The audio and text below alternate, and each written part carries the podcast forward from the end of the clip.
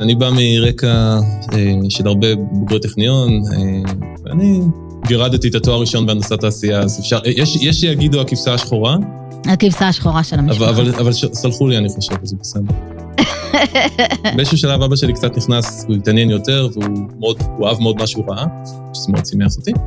אה, וגם אה, באיזשהו שלב, במיוחד אחרי, אחרי ההנפקה, הכל התחיל להיות קצת יותר ציבורי, אז הם ראו שזה לא רק אני והחברים שלי משחקים במרתף איזה משהו במחשב. כן, הגיעו הקבלות, מה שנקרא. הגיעו קצת קבלות, כן.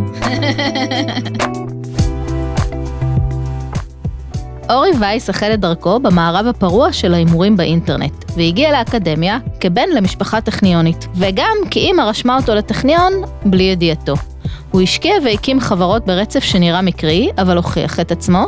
עכשיו הוא כבר לא מהמר, וכאנג'ל אקטיבי, כהגדרתו, הוא מפתח כלים לקבלת החלטות מבוססות מידע. הטכניוניסטים, הפודקאסט של ארגון בוגרי הטכניון. אהלן אורי.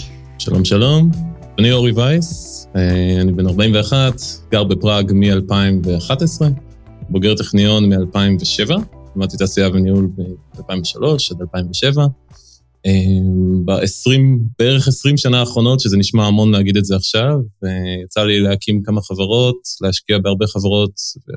החברה העיקרית שהקמתי הייתה חברה שנקראת היום אקסל מדיה, אבל זה היה, נספר על זה כנראה קצת יותר אחר כך, זה היה פרויקט שהתחיל טיפה לפני שהתחלתי ללמוד, וגדל לחברה די גדולה, בשיא משהו כמו 400 עובדים בישראל, חברה נסחרת בבורסה באנגליה, ועוסקת בפרסום באינטרנט.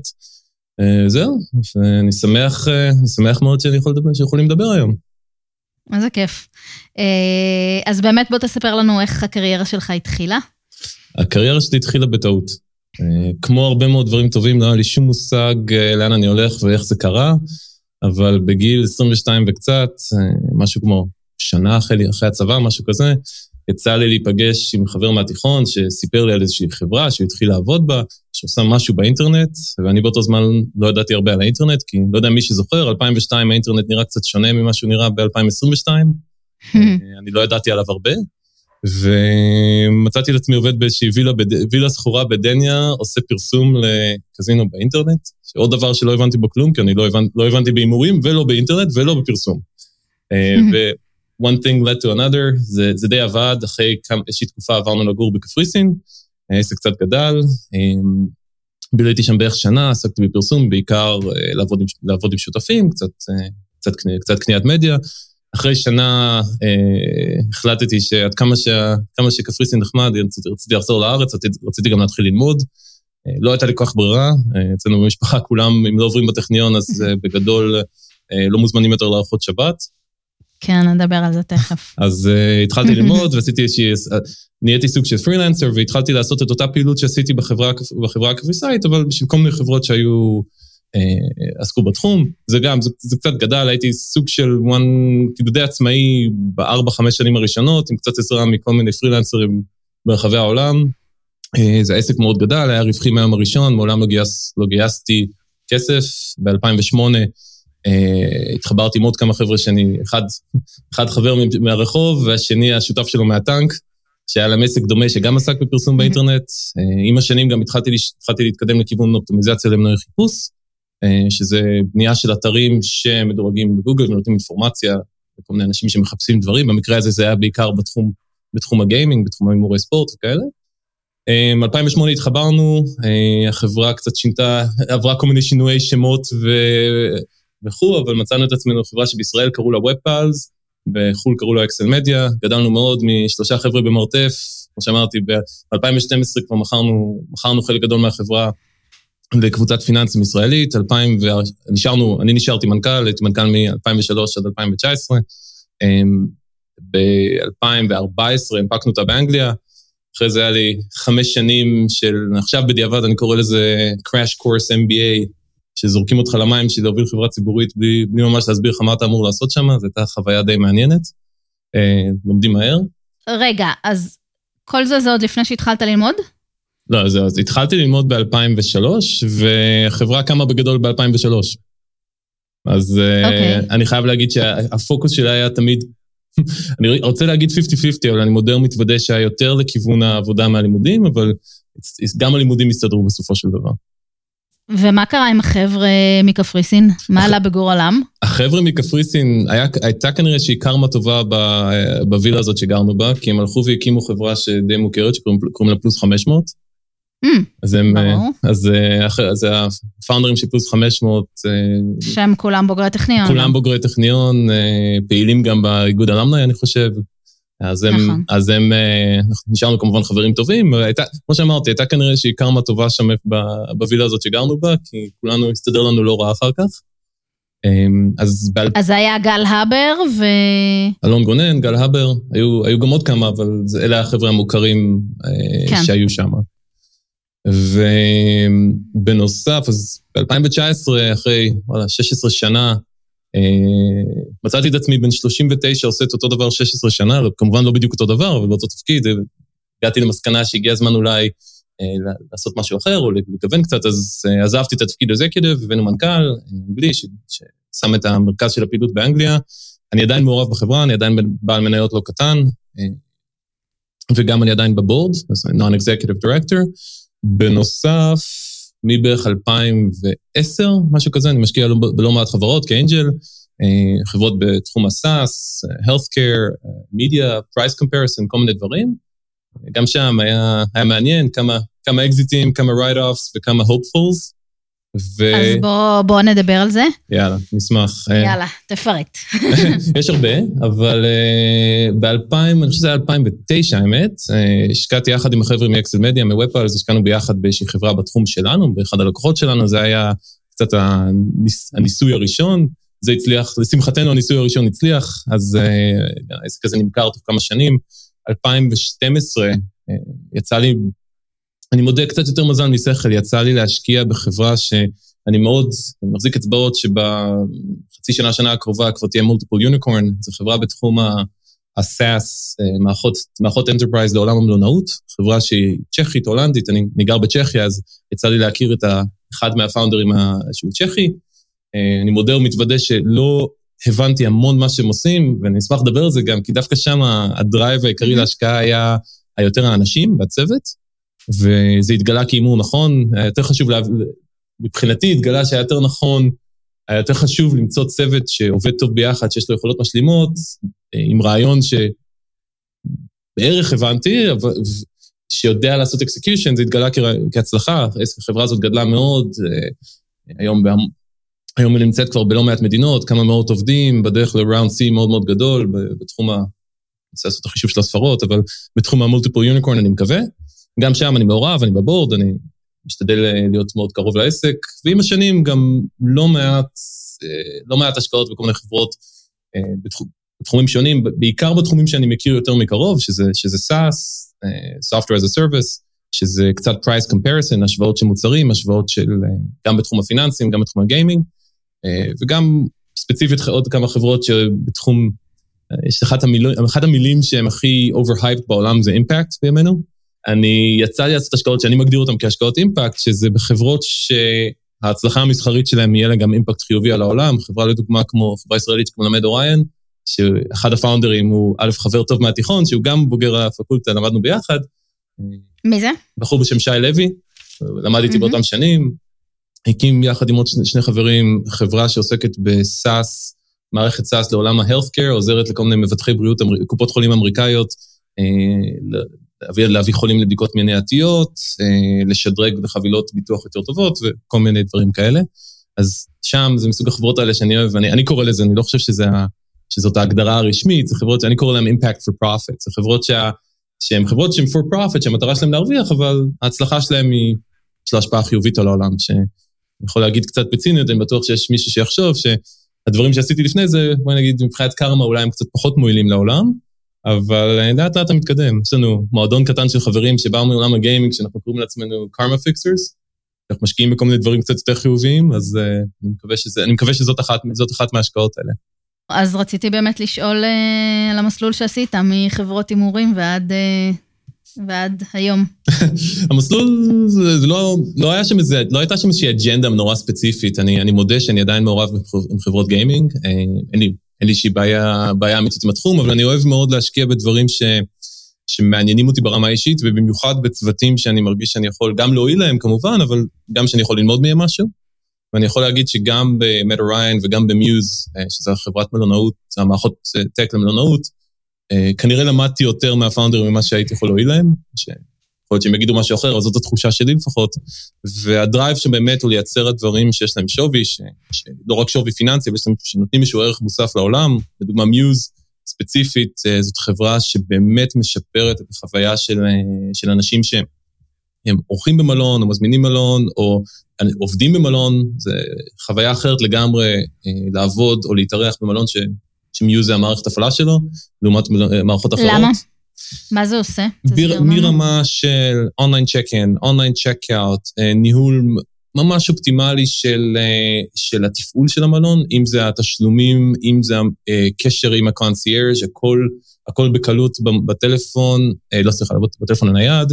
אה, מבחינת הצוות, צוותים, מלונות ש, שמשתמשים במיוז, בממוצע צריכים הרבה פחות צוות שעומד שם בקבלה, דוגמה שאני תמיד אוהב לתת, הרי כולנו חווינו את החוויה הזאת שנכנס למלון ואתה עומד רבע שעה עשרים דקות בקבלה ולא מבין למה אתה צריך לעמוד רבע שעה עשרים דקות בקבלה, כי ההזמנה כבר שולמה והשם שלך שם, וכשיביאו לי את הכרטיס ויתנו לי לעלות לחדר, אז אפילו mm-hmm. החוויה הזאת זה נעלם, כי אתה מקבל את הכרטיס מחובר לדלת חכמה, במקרה הטוב, אבל המטרה היא לא סתם שלא לא תדבר עם אף אחד או לא, לא יהיה תהיה אינטראקציה, אלא דווקא לעזור למלון לפנות את הזמן של, ה, של הצוות בקבלה או בקונסיירג' או whatever, שידברו איתך, שיושיבו אותך על ספה, שיביאו, שיביאו לך או למי. שאיתך, יביאו לך קפה, ישאלו אותך מה אתה רוצה לעשות, אם אתה צריך עזרה בלהזמין כרטיסים לתיאטרון או whatever. המטרה היא, יש לנו כזה סלוגן שאומרים, make it, make it extraordinary, make it excellent.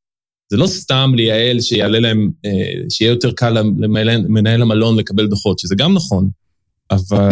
שה... זאת אומרת, מה, ש, מה שיותר יעיל לעשות אה, דיגיטלית, יעשה דיגיטלית, לא... ומה שצריך את, ה, את הקשר האנושי, יהיה יותר פנאי בשבילו. אנחנו מנסים גם זהו, מעבר לרק, בדיוק, מעבר לרק לייעל את החוויה, שזה נחמד וזה חשוב וזה מוזיל עלויות, כי לדוגמה, זה שאנחנו מוציאים את הסליקת תשלומים מהבנק ומעבירים את זה למלון, שכמובן אנחנו מעורבים בזה, זה חוסך להם עלויות, זה מייעל את התהליך והכל, אבל זה בעיקר המטרה העיקרית, התוצאה הסופית, מלון יאהב את המערכת, אם, המש... אם הלקוחות של המלון יאהבו את החוויה שלהם במלון יותר, זאת, זה ספציפית מה שאנחנו עושים שם. אה, ואני חייב להודות שברמה האישית גם, אה, להיות עכשיו, וואו, שמונה שנים מעורב בחברת SaaS, ובאמת לא היה לי שום ניסיון בעולם ה-Software as a Service, אה, זה הפך אותי גם, ברמה האישית, זה הפך אותי למשקיע יותר טוב ואולי advisor יותר טוב לחברות בתחום הזה, כי עברתי את התהליך. משלושה, ארבעה, חמישה אנשים במרתף, בלי כסף לשלם משכורות, לחברה עם, שכל קרן הון סיכון בארצות הברית רוצה לזרוק עליהם כסף, והם אומרים להם לא. Uh, עם כל הכאבי בטן והשיחות טלפון באמצע הלילה של אדיאן החזיקו את הפיקדון שלנו ואנחנו לא יכולים לשלם משכורות, לכל מיני דברים כאלה, לזה שהם היו צריכים להשאיל ממני דירה בשביל שיהיה להם משרד, כי לא היה להם כסף להשכיר משרד. אז עברנו את הכל ביחד, ולמדתי מזה גם המון, ואני מרגיש שברמה האישית אני עכשיו יכול גם להועיל לחברות אחרות יותר. הטכניוניסטים. אז ציינת קודם שזה היה הימור מוצלח, זה באמת היה הימור? אה, אני רוצה, אני יכול להודות במשהו שאני מקווה מאוד שאשתי תשמע את זה, כי היא צודקת. אני, אמר, אני אמרתי להם לא. ואז היא, אמרה, okay. אוקיי. היא באה ואמרה לי בערב, מה אתה, לא, תשקיע שם, זה, אנחנו, זה, זה יהיה טוב בשבילנו. והיא צדקה. אה, אוקיי. אני, אני מודה ומתוודה, אה, זו הייתה לגמרי החלטה שלה, אני הייתי 97 אחוז כבר בדרך להגיד להם לא, כי הם ברמה של... באתי ואמרתי, אמרתי לי, אני זוכר שדיברנו על זה בערב, וישבנו ודיברנו, כוס יין בבית, אני ואשתי, ואמרתי לה, תשמעי, הצוות מדהים, הסינרגיה בין, ה, בין, שני, בין הפאונדר הסטיב ג'ובסי ויז'נרי לפאונדר השני, שהוא כזה טיפוס אקזקיוטיב מנכ"ל שבא מעולם המלונאות, כל דבר שהם יצרו ביחד הוא טוב, אבל תשמעי, אני לא מבין כלום בתעשיית המלונאות, אני לא מכיר את עולם הסאס. אמר לי, טוב, נו, מה זה משנה, זה צוות טוב, הם יצליחו. וזה, העצה שלה התגלתה כזהב. ואתה משתמש בזה גם היום? תמיד. בהשקעות תמיד, אחרות? תמיד. Mm-hmm. יש, אני, יש לי מין מנטרה כזאת שהיא בכלל לא שלי, אני בטוח שאלף ואחד venture capitalists משתמשים בה, אבל uh, יש המון רעיונות טובים, ויש נורא מעט execution טוב, אה, הרבה, כשאני מסתכל על חברה מכל תחום, לא רק בתחומים שאני מכיר או מאוד קרוב אליהם, הרבה יותר מעניין אותי הפרופיל של, ה, של הפאונדרים, גם הניסיון שלהם, אבל לא רוצה להפלות נגד כאלה שזה first time founders, גם החבר'ה של מיוז היו first time founders, וגם מדריין הם first time founders, uh, שבאו בתפקידי טק בחברות אחרות, אבל שיש צוות שאפשר לראות שמשלים אחד את השני. לדוגמה, מיוז באמת זה היה הקומבינציה הזאת של ה-founder, ה-visionary הזה, שרוצה לשנות את כל העולם, ומבין מין כזה רנסאנס פרסון כזה שמבין בהכל, השני שהוא בא Management Fast Track, אה, מנכ"ל כזה טיפיקול, שמעורב בהכל, יודע הכל, כולם רוצים לעשות משהו, מה שהוא אומר להם, זה שילוב פנטסטי. ואז יש את, אמ, את מד אוריין, שזה שלושה אנשים שכל אחד מביא יכולות אחרות. אחד מאוד אופרטיבי, אחד מאוד product, ואחד נורא, כזה, כל האלגוריתמיקה זה, כזה, ה-rocket science של האלגוריתמיקה שלהם. אז עוד פעם, הרעיון, רעיונות טובים יש המון, execution טוב יש נורא מעט. ואני מאמין גדול בזה שבסופו של דבר execution זה מה, ש, מה שמביא להצלחה של דברים. אין, זאת, זאת לפחות, זאת המנטרה שלי. ונשמע שאתה ככה מאוד אה, אקטיבי גם בתהליך, גם כמשקיע. מה, מה הסיבה לזה? כי אני עושה את זה שיהיה לי מעניין. אני לא, אני לא, mm-hmm. אני לא קרן הון סיכון. אני לא angel, mm-hmm. אני לא private, אני angel, אני לא private equity, אני לא venture capital, אני לא משתמש בכסף של אחרים, אני עושה את זה בשביל, כדי, אם, אם זה לא מעניין אותי ואם אני לא אוהב מה שעושים ואם לא נעים לי לעבוד עם הצוות, אין לי, אין לי אינטרס לעשות את זה. יש לי, יש לי גם את העסקים, יש לי את הדברים הפרטיים שאני עושה, אז לא, לא, לא דיברתי על זה, אבל הקמתי עוד חברה שנה שעברה, שהיא סוג של אה, רעיון דומה לאקסל מדיה של אתרי השוואות, אבל ספציפית, אם נחשוב 180 מעלות מעולם ההימורים, אז לתעשיית החינוך ה-higher education בארצות הברית. אה, גם לעזור לאנשים לבחור בצורה אופטימלית תארים ו-certification courses וכל מיני כאלה, כמו שאם בעבר עזרתי להם לבחור איפה, איפה להמר עם מורי ספורט, או איזה כרטיס אשראי לקחת, או איזה הלוואה או ביטוח לעשות, אז עכשיו אני, המטרה שלי לעזור להם לקבל החלטות אופטימליות על, על העתיד האקדמי שלהם, האקדמי שלהם. לעזור אז, למועמדים? לאנשים שרוצים ללמוד? לאנשים שחושבים שהם רוצים ללכת ללמוד. זה, ואיך זה... אתה עוזר להם? אז אני אתן לך דוגמה. אה, מישהו, ניתן דוגמה, נשתדל לתת איזו דוגמה נורא ספציפית. מישהי ש... או מישהו שיושב ב... לא באילינויז או whatever, יושב באילינויז עם תואר ראשון ב-Bachelor's of Science of Nursing, אה, גברת שעובדת בתור אחות, 10 שנים, 12 שנה, או, ואומרת, אוקיי, האם כדאי ללכת לעשות את ה-Masters in Science of Nursing, מה זה יעשה לקריירה שלי? אז אני לדוגמה, הגברת הזאת אולי תחפש אה, משהו כמו Uh, what is the incremental earnings of a master's in science and nursing in Illinois? ברור שזה נורא ספציפי, אבל זה חיפושים, המון חיפושים מהסגנון הזה נעשים. המטרה שלי להביא אותה לאתר שלי, שייתן לה נתונים מה-Bureau of Labor Statistics, מ-College Scorecard, מ-iPad, שזה נתונים של המדינה, אבל לסדר לה אותם בצורה שהיא נורא נורא ברורה, וברמה שאני יכול לתת לה projection של, אוקיי, התואר יעלה לך, סתם דוגמא, 27 אלף דולר בשנה, אה, בממוצע את זכאית ל student loan, רוב האנשים בסטטוס שלך זכאים ל-financial aid של 12 וחצי אלף דולר בשנה, ייקח לך שלוש, וחצי, שלוש וחצי שנים לסיים, ואנשים עם התואר הזה, איפה שאת גרה, בממוצע הם, לא יודע מה, 32 אחוז יותר employable, זאת אומרת הסיכוי שלהם למצוא עבודה הוא 32 אחוז יותר גדול מאנשים עם התואר הקודם, או, וגם השכר הממוצע הוא X. ואני יכול לתת גם value rank, זאת אומרת, אני יכול בהתאם לנתוני graduation של כל אוניברסיטה, לתת באמת פר אוניברסיטה, פר תואר, פר מיקום, תחזית מה זה הולך לעשות לקריירה. שזה אולי נשמע כמו דבר נורא ספציפי, אבל uh, הסיבה שאני, שזה מרגיש לי משהו שהוא מאוד מאוד חשוב, זה שזה קצת מצחיק שנראה, תמיד נראה לי שאנשים, וגם בדקתי את זה, לא, אני לא, לא הולך ועושה דברים על בסיס נראה לי. Uh, הלכתי ובדקתי את זה לא מעט זמן, uh, בנקי השקעות עשו לי קצת מחקרי שוק, וגילינו שבממוצע אנשים משקיעים הרבה יותר זמן בלבחור את הביטוח או המשכנתה שלהם, לעומת, לפחות בארצות הברית, לעומת לבחור את ההשכלה האקדמית שלהם. במיוחד בתארים המתקדמים, שצריך לזכור, הבדל גדול בין ישראל או אירופה לארצות הברית, בארצות הברית השכלה אקדמית ברובה עולה הון. ואנשים סוחבים את הסטודנט לון שלהם 50, עד גיל 50. אז okay. אוקיי. יש פה איזשהו אלמנט, אני, כזה קצת קוריוז בצד, אני, אני ברמה אישית משחק פוקר המון המון שנים, אני משחק פוקר 20 שנה כבר. ואני תמיד מנסה לחשוב על כל החלטה בלנס, בעדשה של expected value. זאת אומרת, אם אני מקבל החלטה בחיים, מה ה-ROI, מה ה-return on investment שלי.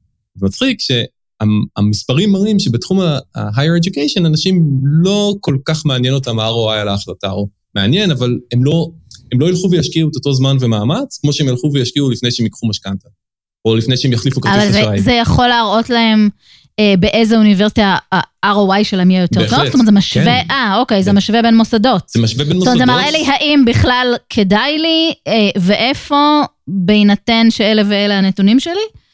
בדיוק. אז אתן לך עוד דוגמה. לדוגמה, מישהי שיש לה תואר, ש... תואר ראשון בפסיכולוגיה, חושבת ללכת, אה, אומרת, אני, אני רוצה לי להפוך להיות קאונסלר, להפוך להיות תרפיסט. ספציפית, בארצות הברית יש כמה דרכים לעשות את זה, אחת מהן זה לדוגמה ללכת ללמוד תואר בפסיכולוגיה קלינית. אופציה שנייה זה אולי ללכת ללמוד, אה, מה שאנשים לא כל כך חושבים על זה, ללכת ללמוד תואר שני בעבודה סוציאלית, שזה יותר קצר, יותר זול, ועם graduation rates יותר גבוהים. זה אומר שאתה מכניס את עצמך לפחות student loan, וזה לוקח לך פחות זמן, ואתה נכנס למעגל העבודה הרבה יותר מהר, וגם יש הרבה יותר דרישה בהרבה, בחלק מהסטייטים לאנשים עם התואר הזה. זו דוגמה, אותה גברת שתלך תחפש what is the most efficient way to become a therapist, or the best way to become a clinical therapist. אני יכול לעזור לה לכוון אותה לכיוון הזה. ושכמו שאמרת, ברמה של אוניברסיטה, אה, אני יכול לעזור לה גם בתארים אונליין, אני יכול לעזור לה גם בתארים, אה, גם בתארים שהם כאילו brick and mortar, שהם ממש ללכת לאוניברסיטה. אה, ברמה של עד אוניברסיטה ספציפית מיקום, לתת באמת את ה-ROI. זה לא משנה אם היא רוצה ללמוד עבודה סוציאלית, או שאם היא רוצה ללמוד אה, הנדסה אווירונרטית, או אם זה מישהי שתבוא עם, שהיא רוצה לשדרג את התואר שלה בהנדסת, אה, לא יודע מה, חשמל, לתואר, ל-PhD. זה לא משנה. וזה הרעיון. אוקיי, okay. אבל אתה מסתכל על מדדים אה, פיננסיים בלבד. אני מסתכל על מדדים פיננסיים בלבד, אבל אני גם משת... מנסה, זה ברמת ההחלטה של האם כדאי ולאן ללכת, אני מסתכל גם על מדדים של דוגמה graduation rates, שלדוגמה, שזה מדדים אקדמיים. כן.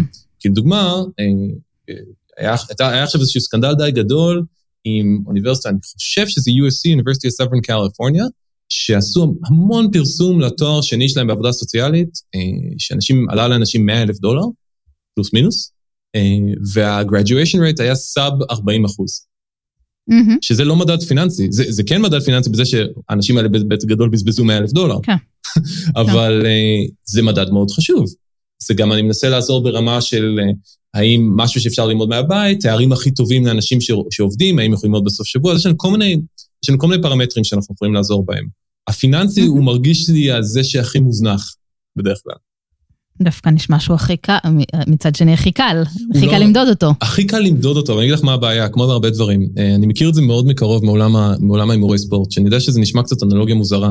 אה, עולם ההימורי ספורט, אחד הדברים שמאפיינים אותו, שיש המון המון מידע, כל הזמן.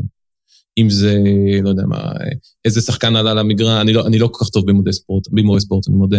אה, מה המזג אוויר, מה ההיסטוריה של הקבוצה הזאת, מה ההיסטוריה של הקבוצה הזאת, איזה איצטדיון זה, מה, ווטאבר. ואנשים משתמשים במספרים האלה בשביל לקבל החלטות. עכשיו, איך אפשר לעזור להם לקבל החלטות? זה לסדר להם את כל הערימה של המידע. אז גם ב-education, דבר, אחת הסיבות שדחפו אותי להיכנס לעולם הזה, כי הלכתי לבדוק וראיתי שיש המון מקורות מידע שהם נורא לא נגישים. לדוגמה, Bureau of Labor Statistics, שזה בגדול המדד של ממשלת הברית, על נתוני תעסוקה. אז יש שם המון מידע שיכול לעזור לכמעט כל אחד שרוצה להחליף מקצוע, להתקדם במקצוע, ללכת ללמוד, לעשות, ואגב, לא מדבר רק על תארים מתקדמים, אני מדבר גם על certification course, מישהו שרוצה לעשות תואר להיות, אה, לעשות קורס להיות אינסטלטור.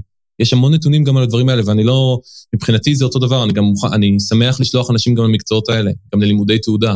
כל דבר מלימודי תעודה עד PhD מבחינתי, הכל, הכל תקף. והמטרה שלי היא באמת לסדר את הערימות מידע האלה שיש. ואני חושב שזה מקום, דיברנו קצת על אימפקט קודם, אז זה מקום שהניסיון שלי ושל הצוות שעובד איתי, לשמחתי יש לי צוות מאוד מאוד מוכשר, אמ, זה שכולנו באנו מעולמות ה-product comparison, מעולם ההשוואות, אם זה גיימינג, אם זה כרטיסי אשראי, שירותים פיננסיים, whatever, ואנחנו יכולים עכשיו להשתמש בידע הזה ובניסיון הזה, לעזור לתחום שמשווע לזה לדעתי. כן, וגם אתה מנגיש מידע. מנגיש מידע. אתה לוקח מידע ש- שנמצא בכל מיני מקומות, אה, כן. ו- ואני גם עושה את זה בחינם, אה, שזה חשוב, אה, חשוב לציין. מזכיר לי את השיחה עם בריזומטר, שמנגישים מידע סביבתי, שגם נמצא בכל מיני מקורות בצורה לא מונגשת, והם נכון, מנגישים ו... אותו באפליקציה. נכון, אז אני יכול גם להגיד שמה שחשוב, שאחת המנטרות העיקריות פה, שאני לא גובה כלום מה, מהסטודנט. המידע שאני נותן הוא בחינם.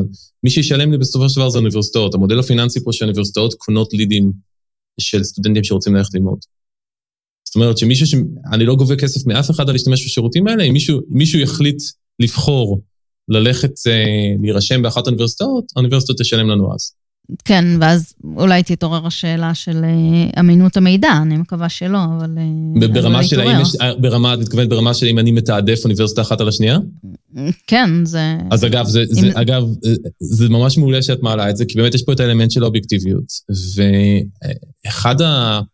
אני, שאגב, אני לא יודע כמה זה רלוונטי לישראל, כי אני לא חושב שיהיה, א', השכלה, למרות שיש השכלה פרטית די יקרה בישראל, אבל נגיד בארצות הברית... מעט מאוד יחסית. מעט מאוד. אני מודה, אני לא, לא מומחה גדול לתעשיית החינוך המתקדם, החינוך האקדמאי בישראל, אבל אני יכול להגיד שלפחות בארצות הברית, האורים והתומים של התעשייה הזאת זה משהו שנקרא US News, World and News Report, שהם...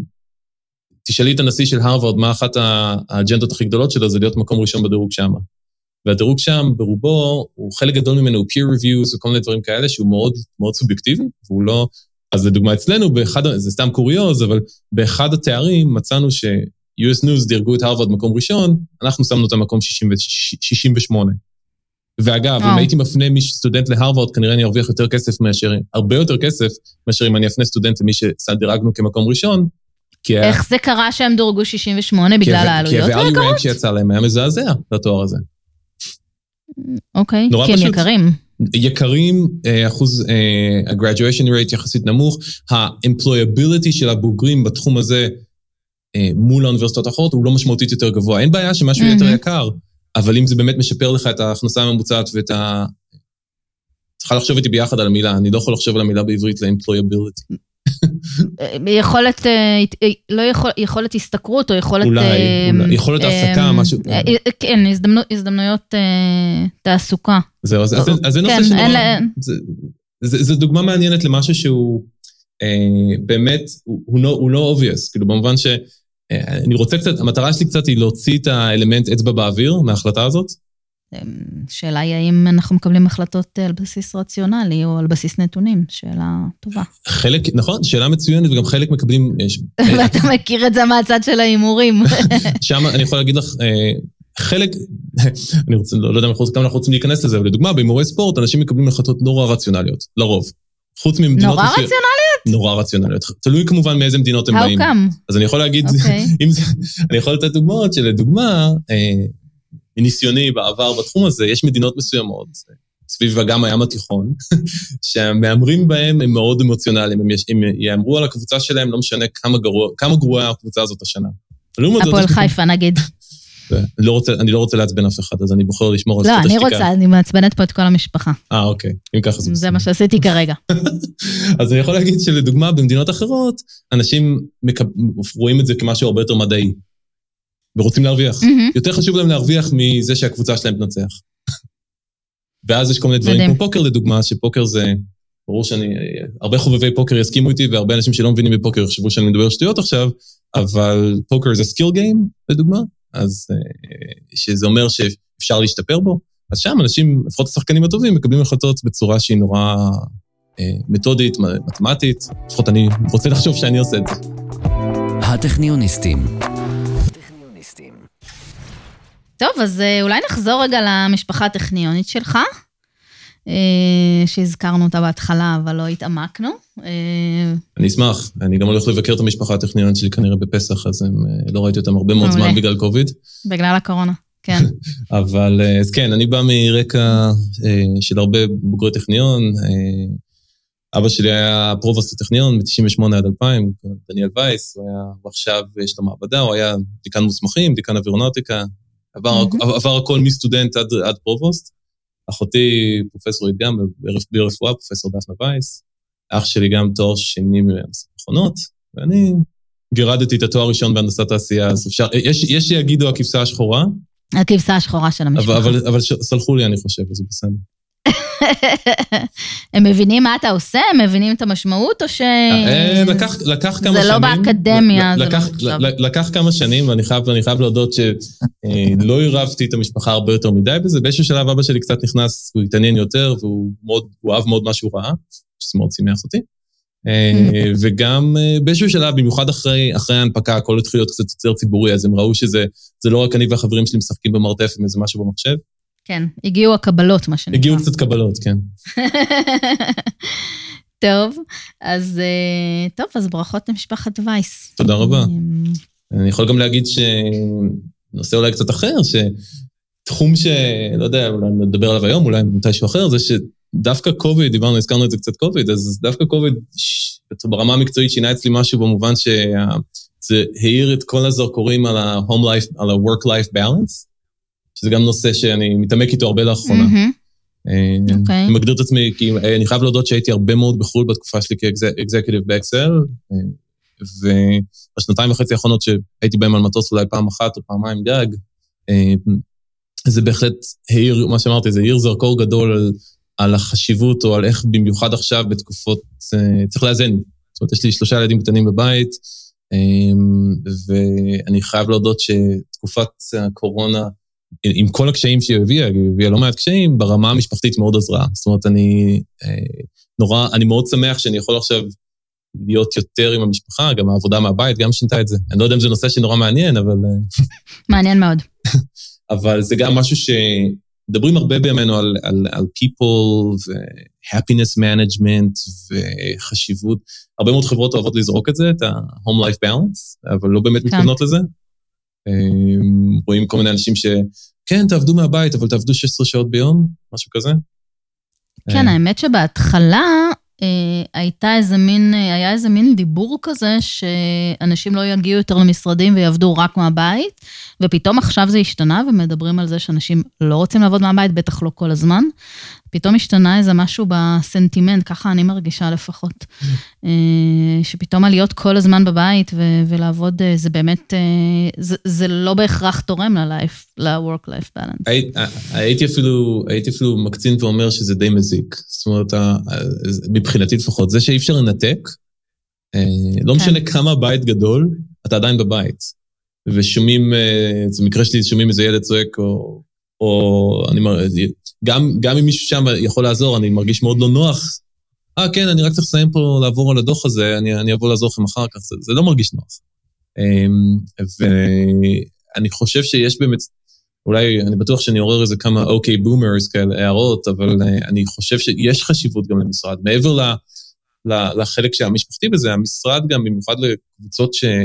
בתור מישהו שעכשיו, איך נגיד את זה, הקמתי עסק בתקופת קוביד, שרוב הצוות רימוט, וסוף סוף עכשיו בנובמבר 21 לקחנו משרד פה בפראג, שאומנם רק חצי מהחברה פה פיזית, החוויה של לעבוד ביחד זה כאילו גיליתי את זה מחדש.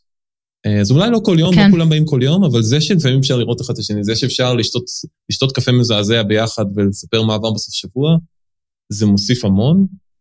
אני חושב שגם, ה, ה, יש איזה, יש איזה אלמנט של בדידות של לעבוד מהבית, זה חוויה נורא, זה, זה כזה סוליטוד מוזר כזה, אני לא יודע איך להגדיר את זה אפילו. כן, למרות שהתחלנו את, את, את השיחה על זה בזה שאמרת, שהבנת כמה זה חשוב, אה, זה כאילו בסוף מזיק לשני הצדדים, מזיק גם, גם למשפחה ומזיק גם לעבודה. קשה מאוד לאזן גם בצורה הזו.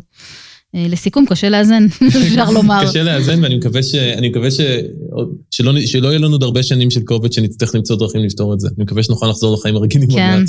כן, לגמרי.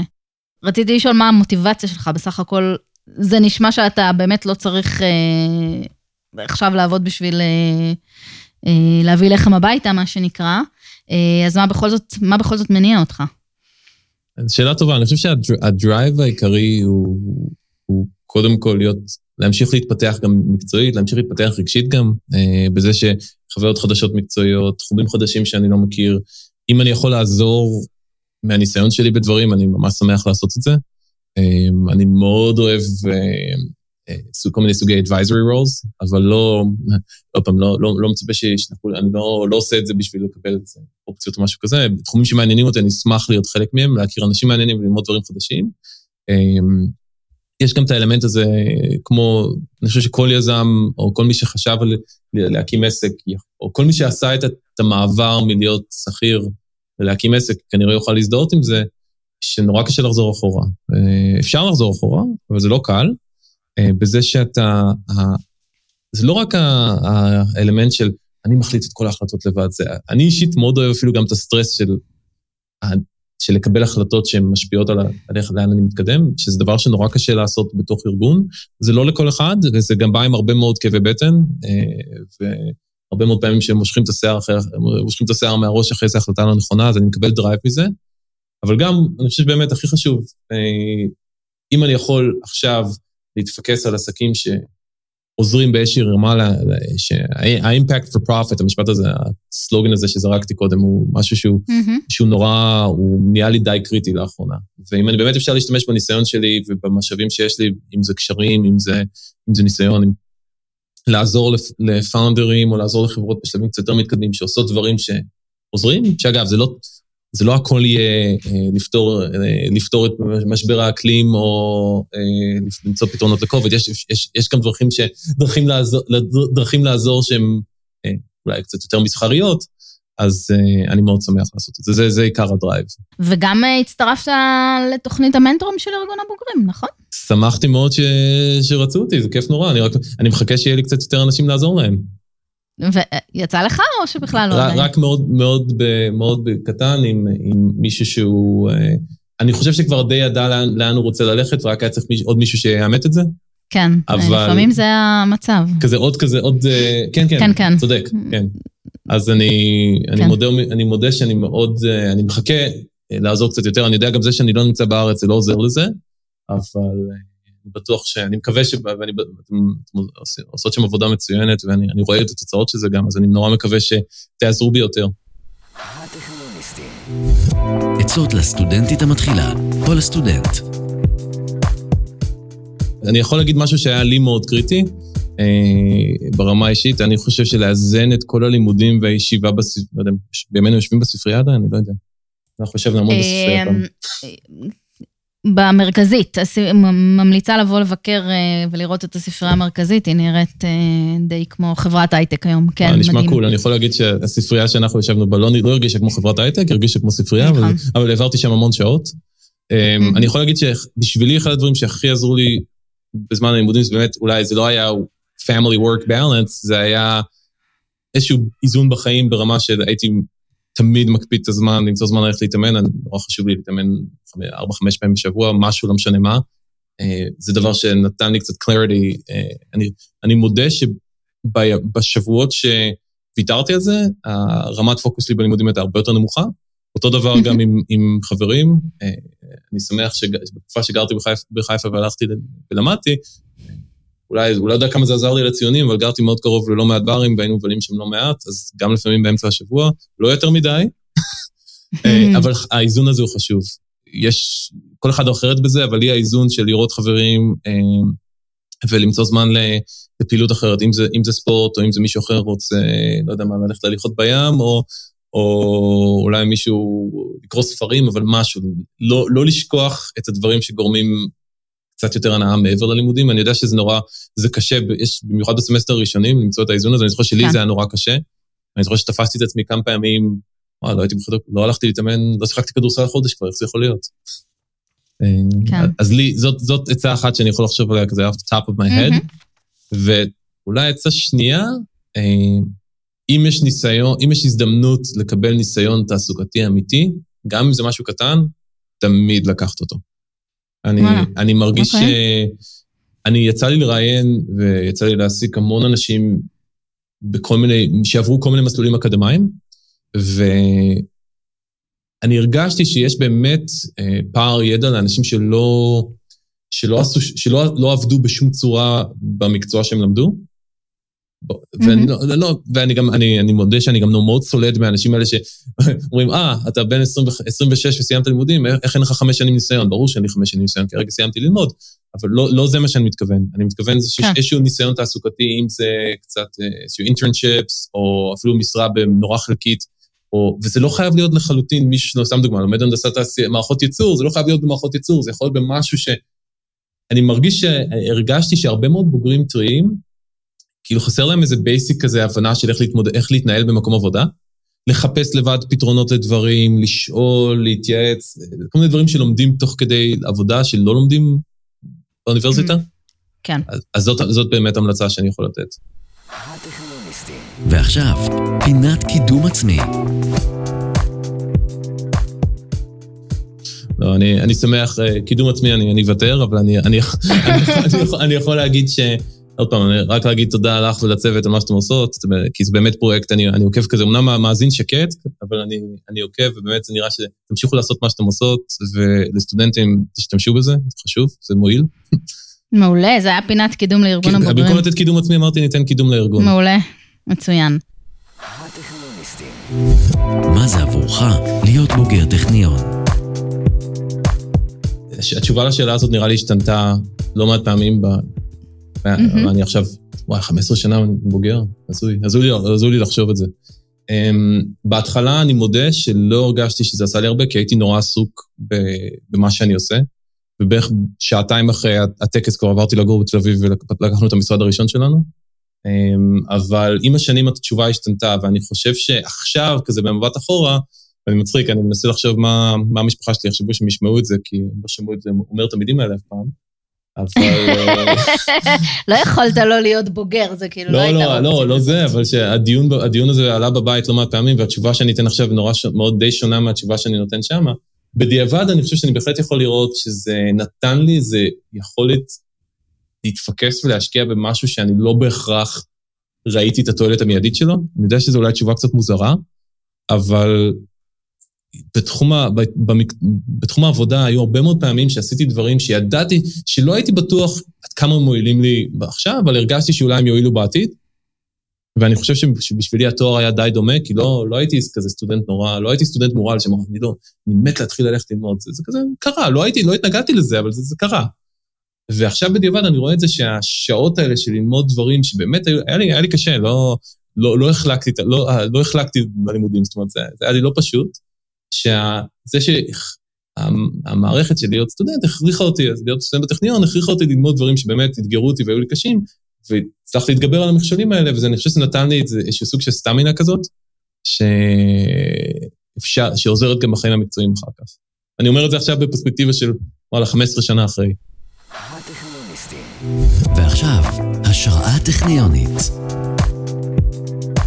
אז אני חושב שהחבר'ה של אלון גונן וגל הבר, נתתי שניים, וגם יש שם עוד, עוד בוגר אלעד בן יצחק, שהם כולם בוגרי טכניון, הם באמת לקחו מעוררי השראה במובן שהם לקחו אה, רעיון שכבר קיים ושיפרו אותו לרמו, ובאמת הקימו עסק שהוא גם נשאר נאמן למקורות שלו, הם עדיין בחיפה, מעסיקים בעיקר בוגרי טכניון, אה, כן. באמת הקימו חברה שמדינת ישראל צריכה להיות גאה בה ברמת ההישגים שהשיגה, זה ברמה המקצועית.